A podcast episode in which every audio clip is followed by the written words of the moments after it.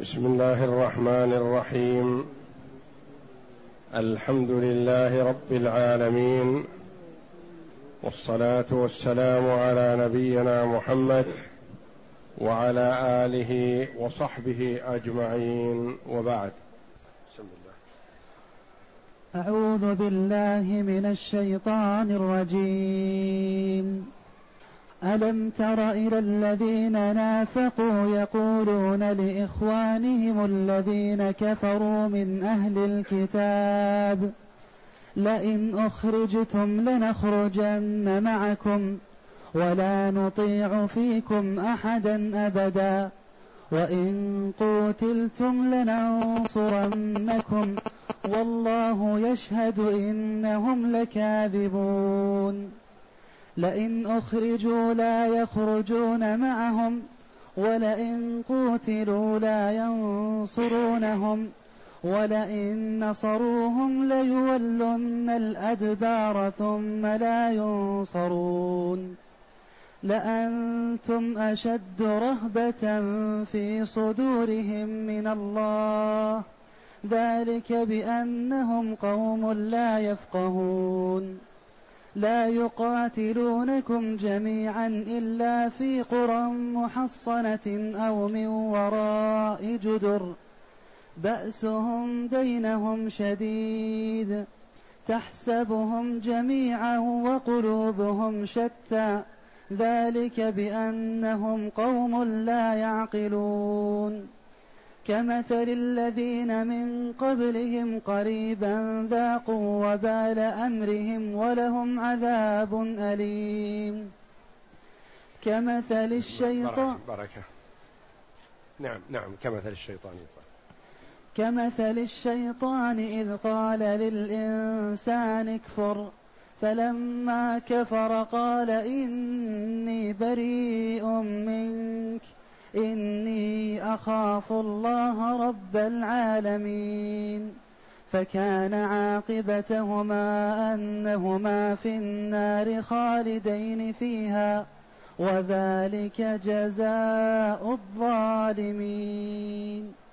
هذه الآيات الكريمة من سورة الحشر جاءت بعد قوله جل وعلا للفقراء المهاجرين الذين أخرجوا من ديارهم وأموالهم يبتغون فضلا يبتغون فضلا من الله ورضوانا وينصرون الله ورسوله. أولئك هم الصادقون. والذين تبوأوا الدار والإيمان من قبلهم يحبون من هاجر إليهم ولا يجدون في صدورهم حاجة مما أوتوا. ويؤثرون على أنفسهم ولو كان بهم خصاصة ومن يوق شح نفسه فأولئك هم المفلحون. والذين جاءوا من بعدهم يقولون ربنا اغفر لنا ولإخواننا الذين سبقونا بالإيمان ولا تجعل في قلوبنا غلا للذين آمنوا. ربنا إنك رؤوف رحيم. ألم تر إلى الذين نافقوا يقولون لإخوانهم الذين كفروا؟ ذكر جل وعلا في الآيات السابقة الآيات الثلاث أصناف المؤمنين المهاجرين والأنصار والذين اتبعوهم بإحسان. هؤلاء المؤمنون. ونوه جل وعلا بفضلهم وبين صدقهم وإخلاصهم فيما يقولونه ويفعلونه ثم ذكر جل وعلا بعدهم مباشرة من هو على النقيض منهم. منافقون يدعون الإسلام وقلوبهم كافرة. يظهرون الإسلام ويبطنون الكفر والضلال وآخرون كفار من أهل الكتاب.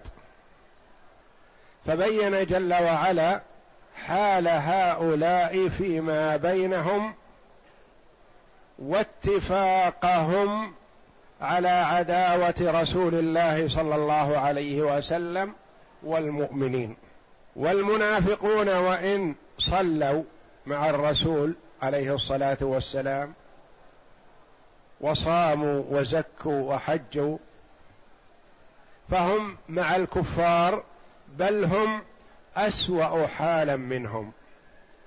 كما قال الله جل وعلا إن المنافقين في الدرك الأسفل من النار.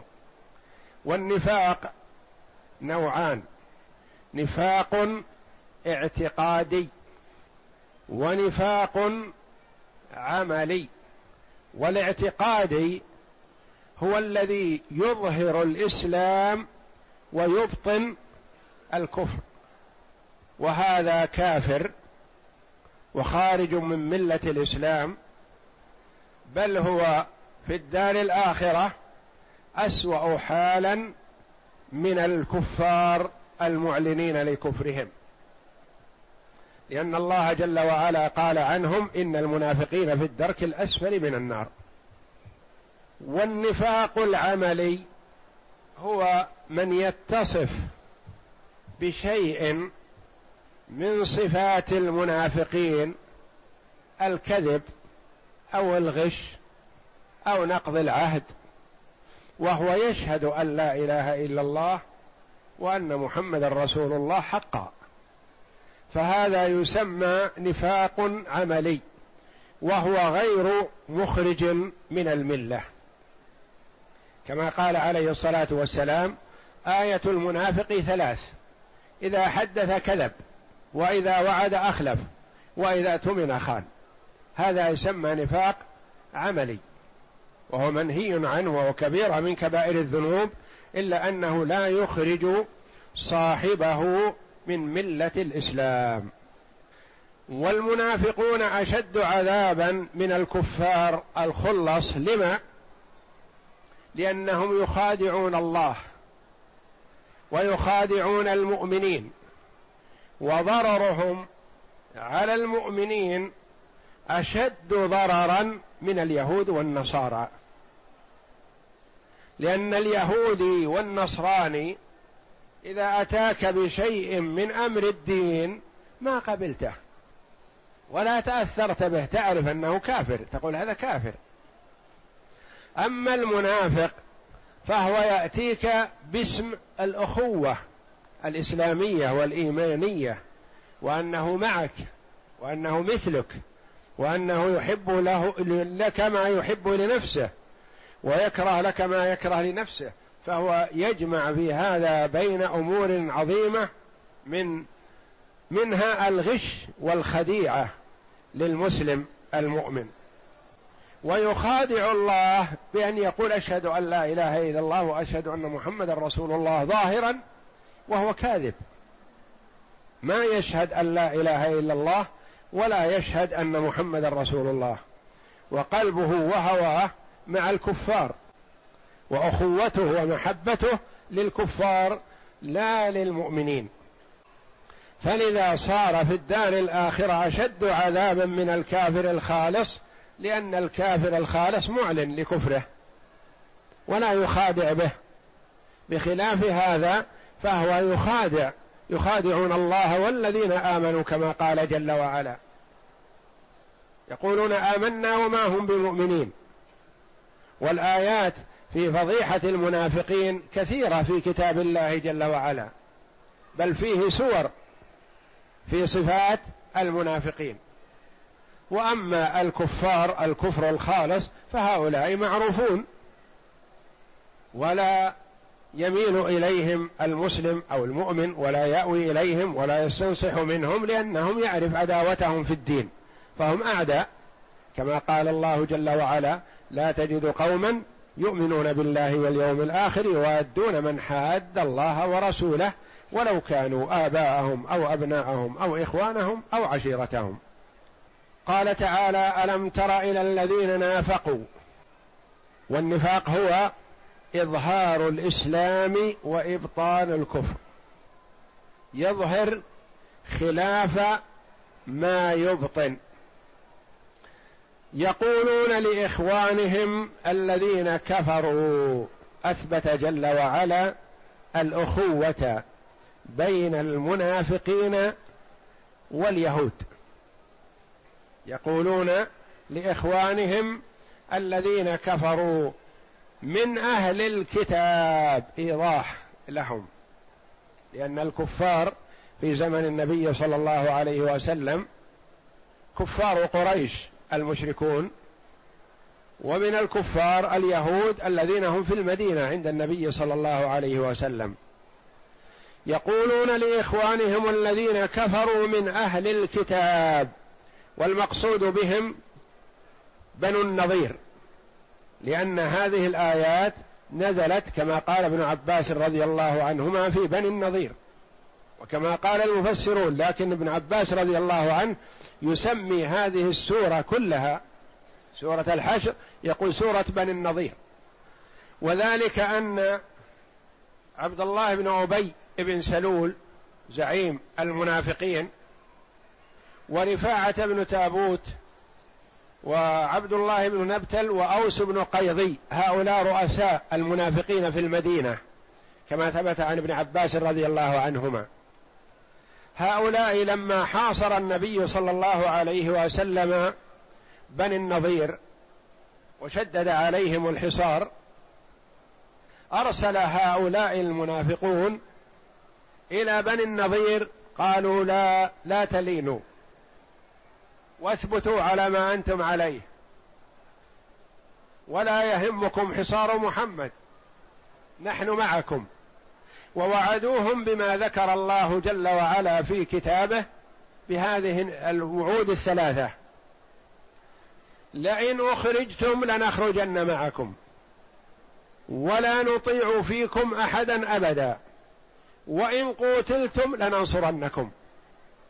فرح اليهود بهذا الوعد من هؤلاء لكن كلهم خونه الواعد والموعود. وكل واحد أخبث من الآخر. ولا يثق أحدهم بالآخر لأن كل واحد يعرف ما في نفس صاحبه من الخبث والشر. صبروا أياما وأرسلوا إليهم أعطونا الوعد الذي عندكم. خاف المنافقون أحجموا. ألقى الله جل وعلا الرعب في قلوب بني النظير فنزلوا على حكم رسول الله صلى الله عليه وسلم واصطلحوا معه على أن يحقن دماءهم ويجليهم من المدينة ويتركون له ما بأيديهم سوى ما حملته الإبل. فأعطاهم النبي صلى الله عليه وسلم ذلك. فالله جل وعلا يشنع بحال المنافقين الذين يدعون الإسلام.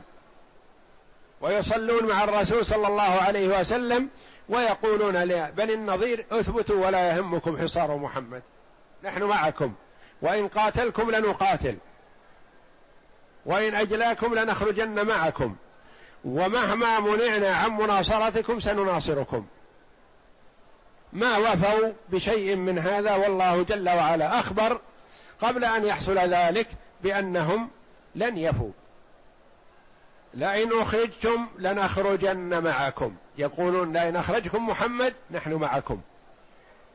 سنخرج ونترك المدينة.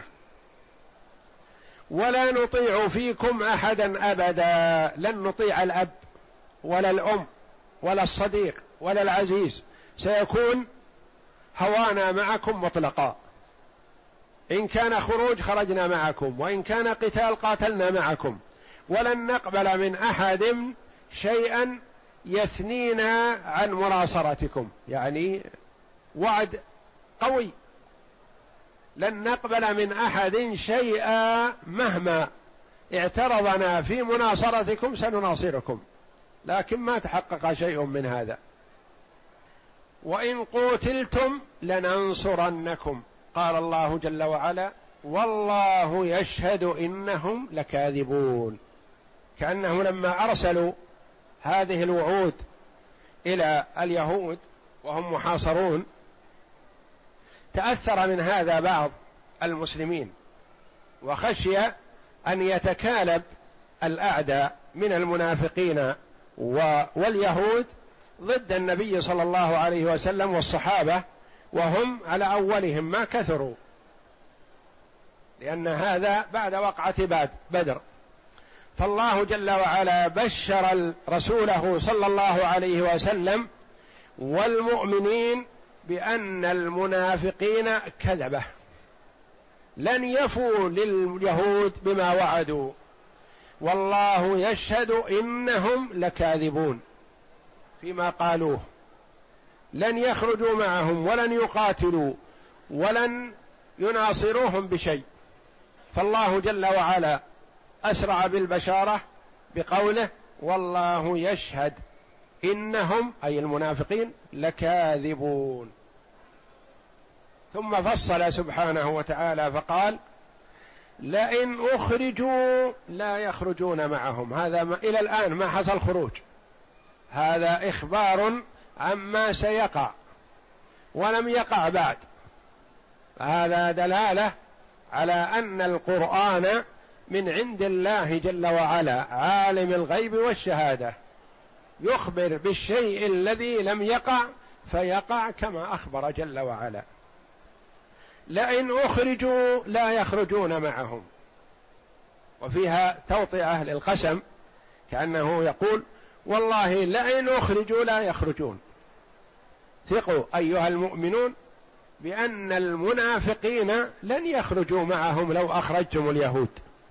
لئن أخرجوا لا يخرجون معهم ولئن قوتلوا لا ينصرونهم.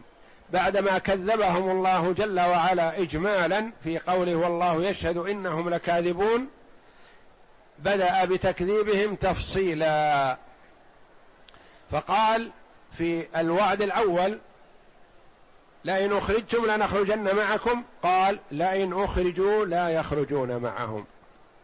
لن يحصل هذا. وقال عن الوعد الثالث وإن قوتلتم لننصرنكم. قال ولئن قوتلوا لا ينصرونهم فليسوا معهم. لا في خروج ولا في مناصرة ولا في قتال. وتضمن نفي الوعد الأول ونفي الوعد الثالث نفي الوعد الثاني. لأنه إذا كان لن يحصل هذا ولا هذا لن يحصل خروج ولن يحصل مناصرة في القتال فالثالث ضمنها الذي هو ولا نطيع فيكم أحدا أبدا بأنهم لن يفعلوا شيء ولن لو ولو لم يتعرضهم أحد لن يحصل شيء من هذا لأنهم وعدوهم ثلاثة وعود. قالوا لئن اخرجتم لنخرجن معكم. ولا نطيع فيكم أحدا أبدا. يعني لا يثنينا عن مناصرتكم والخروج معكم أحد. ولئن وإن قوتلتم لننصرنكم. فنفى الله جل وعلا الوعد الأول بأنه أولا نفى الجميع بقوله تعالى والله يشهد إنهم لكاذبون ثم نفى الوعد الأول بقوله لئن أخرجوا لا يخرجون معهم ونفى الوعد الثالث بقوله ولئن قوتلوا لا ينصرونهم. وتضمن نفي الاثنين نفي الأوسط من باب أولى. ولا نطيع فيكم أحدا بأنهم هم أنفسهم. لن يحصل منهم مناصرة ولو لم يعترضهم أحد. ولئن قوتلتم ولئن قوتلوا لا ينصرونهم. لأنهم كلهم عندهم من الخوف والرعب الشيء العظيم. ألقى الله جل وعلا الخوف والرعب في قلوب اليهود فنزلوا على حكم رسول الله صلى الله عليه وسلم وعرفوا أن المنافقين ووعدهم وعد كاذب. ما وفوا لهم بشيء. ولئن نصروهم اولا لن ينصروهم لكن على فرض المحال. وما قال الله جل وعلا إنه لن يحصل فلن يحصل مطلقا. لكن على فرض لو حصل لو خرجوا أو وقفوا معهم ليولن الأدبار ثم لا ينصرون كلهم. لو اجتمع اليهود والمنافقون كلهم جميع ليولن الأدبار. بشارة من الله جل وعلا لرسوله والمؤمنين بأنه لا يهمكم جمعهم. ولا اتفاقهم ولا تواطؤهم. فإنهم لن يفي بعضهم لبعض. ولو على سبيل الفرض لو وفى بعضهم لبعض سينهزمون دفعة واحدة بإذن الله. ولئن نصروهم ليولن الأدبار. يعني الرجل إذا ولى دبره معناه هرب. ما ولى وجهه يقاتل وإنما يولي دبره هارب. ليولن الأدبار ثم لا ينصرون. وقول ليولن الأدبار أقوى في التشنيع من قوله ليهربون أو لينهزمون ونحو ذلك. هذا فيها شيء من وصفهم بالخسة أن الرجل يعطي دبره وهذه خسة ودناءة وإنما الرجل يقابل بوجهه. ليولن الأدبار ثم لا ينصرون ثم قال جل وعلا لأنتم أيها الرسول والمؤمنون أشد رهبة في صدورهم من الله. هؤلاء لا يهمونكم. ما عندهم خوف من الله. والذي عنده خوف من الله يتقي الله فينصره الله جل وعلا.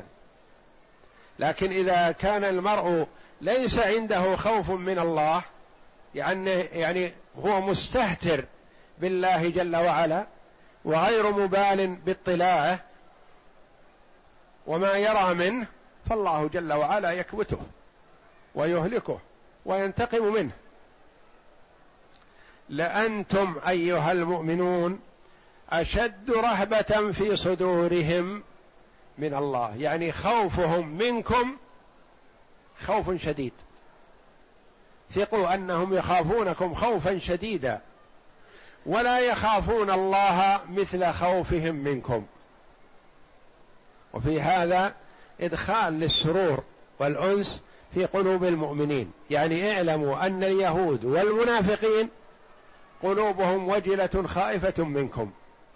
وفيه ذم لهم بأنهم لم يراقبوا الله جل وعلا. وليس عندهم خوف من الله. فيؤيدهم أو يقويهم أو يدافع عنهم وإنما هم أعداء لله لا يخافون الله. والخوف الذي في صدورهم منكم أنتم فقط خوف يضرهم ولا ينفعهم. لأنتم أشد رهبة في صدورهم من الله ذلك بأنهم قوم لا يفقهون. ما عندهم فقه ولا عندهم علم ولا عندهم بصيرة. يقال هذا رجل فقيه يعني عنده فقه وبصيرة في الدين ومعرفة. لكن هؤلاء قوم لا يفقهون ما عندهم فقه. لو كان عندهم شيء من الفقه لخافوا الله جل وعلا. لكن لما انتفى الفقه عندهم خافوا المخلوق ولم يخافوا الخالق. فهلكوا. وكما ورد في الحديث أن النبي صلى الله عليه وسلم قال من التمس رضا الناس بسخط الله سخط الله عليه وأسخط عليه الناس. ومن التمس رضا الله بسخط الناس رضي الله عنه وأرضى عنه الناس. حتى لو لم يبال بالناس فالله جل وعلا يرضيهم عليه ما دام خائفا من الله. لأنتم أشد رهبة في صدورهم من الله ذلك بأنهم قوم لا يفقهون. ثم قال جل وعلا مهما قالوا عن القتال وأنهم سيقاتلون ويدافعون قال تعالى لا يقاتلونكم جميعا. المنافقون واليهود إلا في قرى محصنة. ما يقاتلون إلا في قرى محصنة يقاتلون في البيوت. لو حصل قتال فهم يكونون في البيوت. ما يستطيعون المقابلة ولا يخرجون للقتال. أو من وراء جدر من وراء الأسوار. ما عندهم جرأة أن يقابلوا المؤمنين. لا تخافوا منهم. أو من وراء جدر وفي قراءة جدار. جدر جمع وجدار مفرد. بأسهم بينهم شديد. بأسهم بينهم شديد. قيل فيها معان. بأسهم بينهم يعني إذا اجتمعوا بينهم يتحدثون وإذا هم يظهرون من قوتهم وجلدهم وشجاعتهم وأنهم لن ينهزموا لكن فيما بينهم فقط. بأسهم بينهم شديد. في المجالس نحن نقول ونفعل ونصمد ونثبت وكذا إلى آخره لكن هذا عنده فيما بينهم فقط. لكن إذا قابلوا المؤمنين انهاروا. بأسهم بينهم شديد. يعني يظهرون بأسهم وقوتهم متى؟ فيما بينهم في الحديث. لكن عند المقابلة ما في شيء من هذا. بأسهم بينهم شديد. قيل فيها بأسهم يعني قوتهم وجلدهم وشجاعتهم فيما بينهم بعضهم على بعض. هم ليسوا بضعاف. عندهم قوة لكن قوتهم هذه فيما بينهم. أما إذا توجهت قوتهم إليكم انهارت ما يستطيعون. فهم من حيث القوة عندهم قوة لكنها فيما بينهم تقاتلوا فيما بينهم وتناحروا فيما بينهم بأسهم شديد. لكن إذا كان في جانب المؤمنين لا.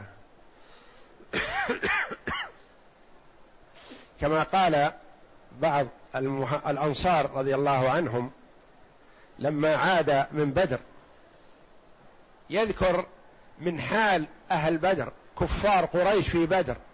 قال ما لقينا لقينا عجائز وشياه أسرنا وقتلنا.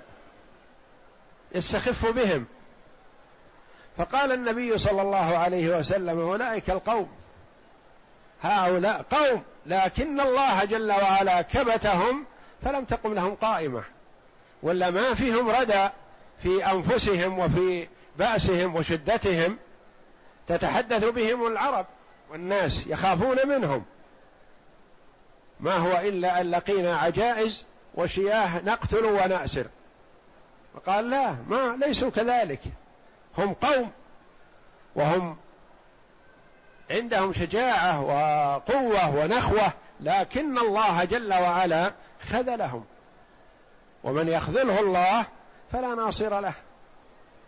وهؤلاء كذلك كما قال الله بأسهم بينهم شديد يعني هم ليسوا بضعاف ولكن في مقابلتكم لا قيمة لهم. وأما فيما بينهم فهم أقوياء أشداء.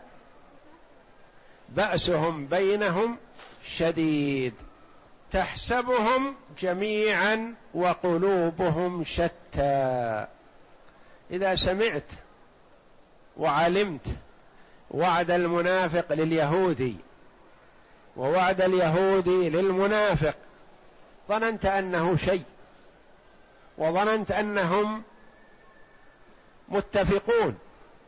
وأنهم متعاونون وأنهم صادقون بعضهم لبعض وليس الأمر كذلك. هم يعرفون ما في نفوسهم ويعرفون ما في نفوس أصحابهم. وكل واحد منهم يلعن الآخر ويبغضه لكنهم يتواطؤون على عداوة المسلمين. مثل الفرق الضالة الكفار من أهل الكتاب والمشركون الآخرون وعباد أنهم يتفقون على عداوة المسلمين. يتواطؤون ويخططون لعداوة المسلمين. وهم كل واحد منهم ما يثق بالآخر. تحسبهم جميعا وقلوبهم شتى. متفرقة. تظن أنهم إذا اتفقوا أنهم على تواطؤ وأن القلوبهم متفقة وليس الأمر كذلك. ذلك بأنهم قوم لا يعقلون.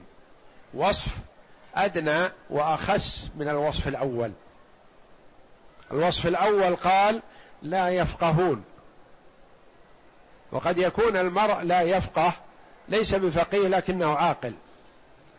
لكن هنا وصفهم بعدم العقل. ذلك بأنهم قوم لا يعقلون لا عقل لهم ينفعهم ولا عندهم عقول التكليف هم مكلفون وعندهم عقول. وفاقد العقل غير مكلف كما قال عليه الصلاة والسلام رفع القلم عن ثلاثة وعن المجنون حتى يفيق. فلا يقال في هؤلاء إنهم مجانين وإنهما هم عقلاء لكن عقل لا ينفعهم. ثم ضرب الله جل وعلا المثل فيما يوضح حالهم مثلا محسوس. قال كمثل الذين من قبلهم قريبا ذاقوا وبال أمرهم لا تخافوا منهم. هؤلاء مثل من سبقهم. من هؤلاء الذين سبقوهم؟ قيل هم بنو قينقاع. طائفة من اليهود. أجلاهم النبي صلى الله عليه وسلم. قال هؤلاء مثل أولئك. مثلهم كمثل الذين من قبلهم قريبا. وقيل مثل الذين من قبلهم كمثل الذين من قبلهم كفار قريش. والمعنيان يعني حق. وكلها قريبة. قصة بنو بنو قينقاع قبل بني النظير بفترة. وقصة كفار قريش قبل بني النظير كذلك في وقعة بدر. كمثل الذين من قبلهم قريبا ذاقوا وبال أمرهم ذاقوا عاقبة أمرهم وتخطيطهم.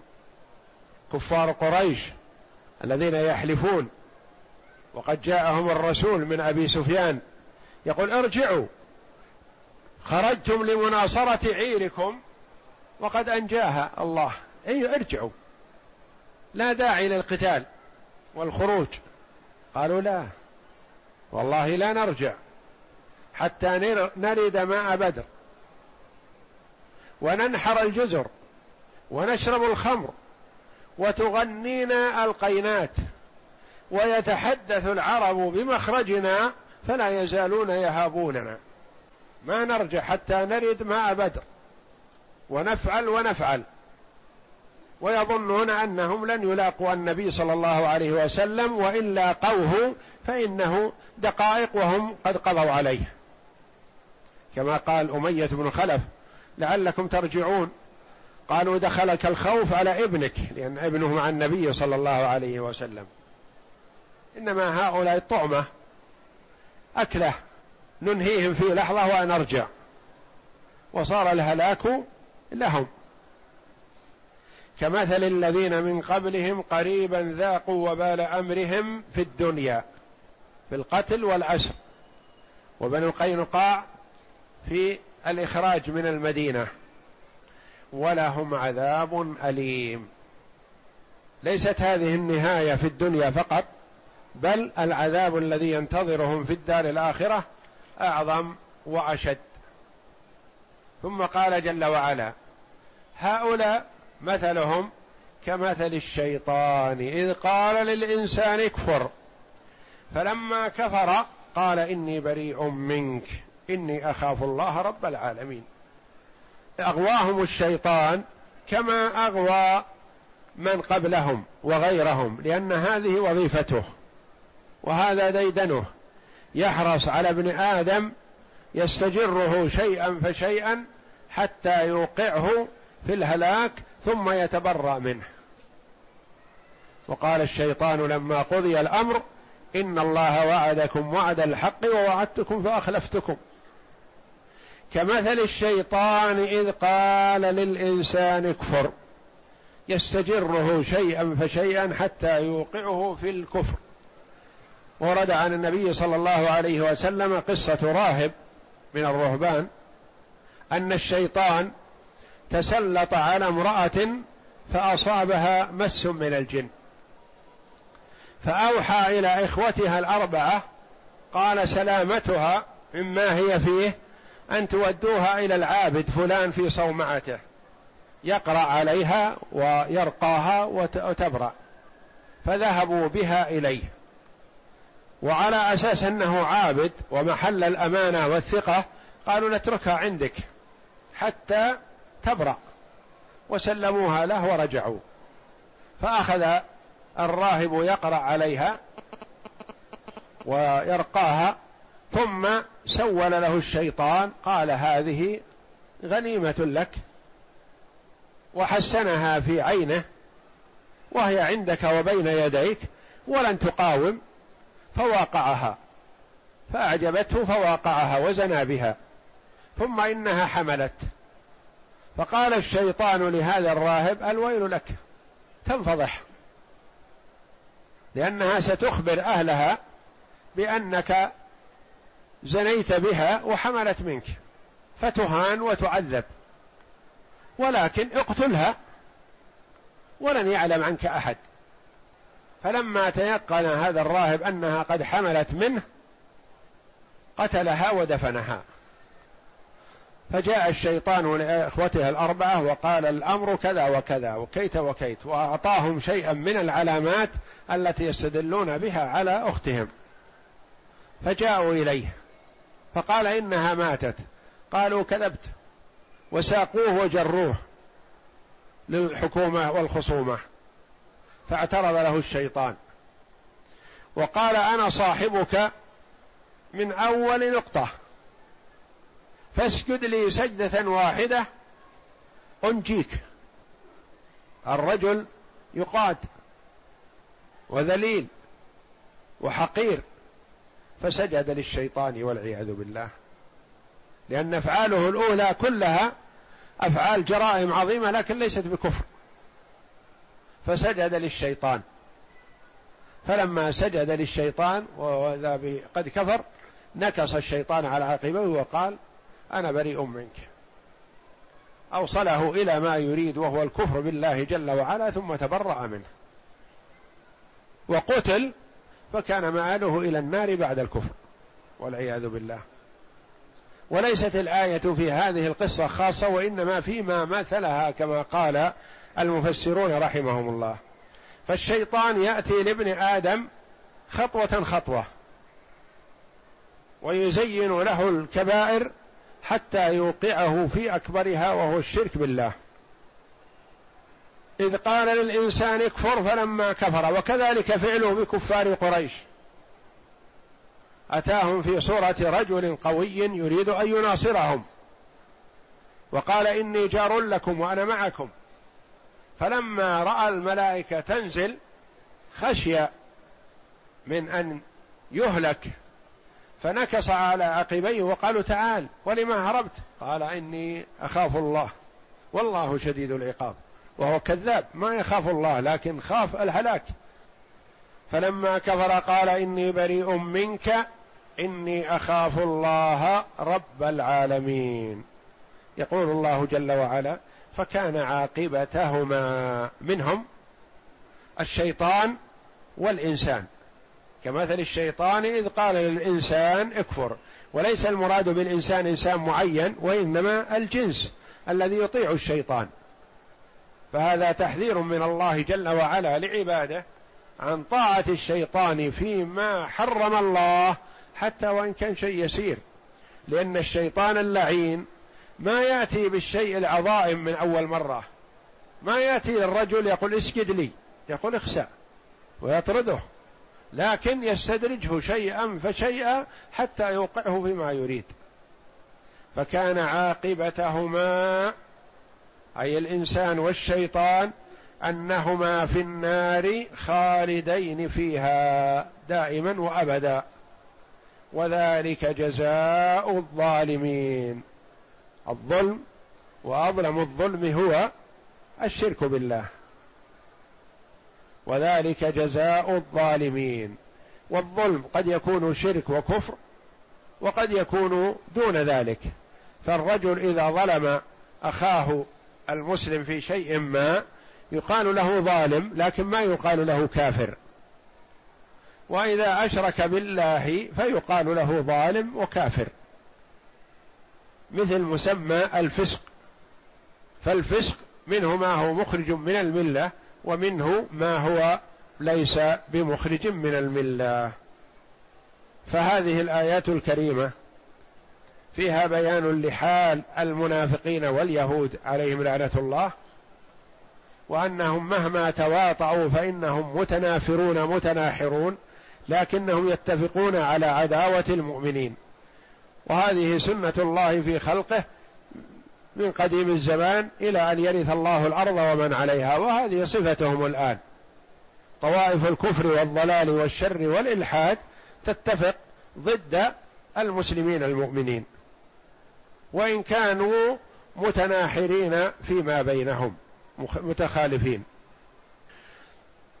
ثم إن الله جل وعلا يحذر عباده من اللجوء إلى الشيطان والاستجابة لدواعيه ونداه وأن الشيطان اللعين يأتي للإنسان تدريجيا شيئا فشيئا يحسن له المنكر والقبيح ثم يجره إلى ما هو أكبر ثم يجره إلى ما هو أكبر وهكذا حتى يوقعه في النار لأن هدفه الوحيد أن يكون معه في النار.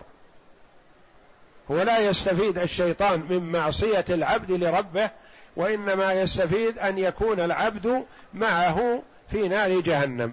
كما قال الله جل وعلا عنه فبعزتك لأغوينهم أجمعين. إلا عبادك منهم المخلصين.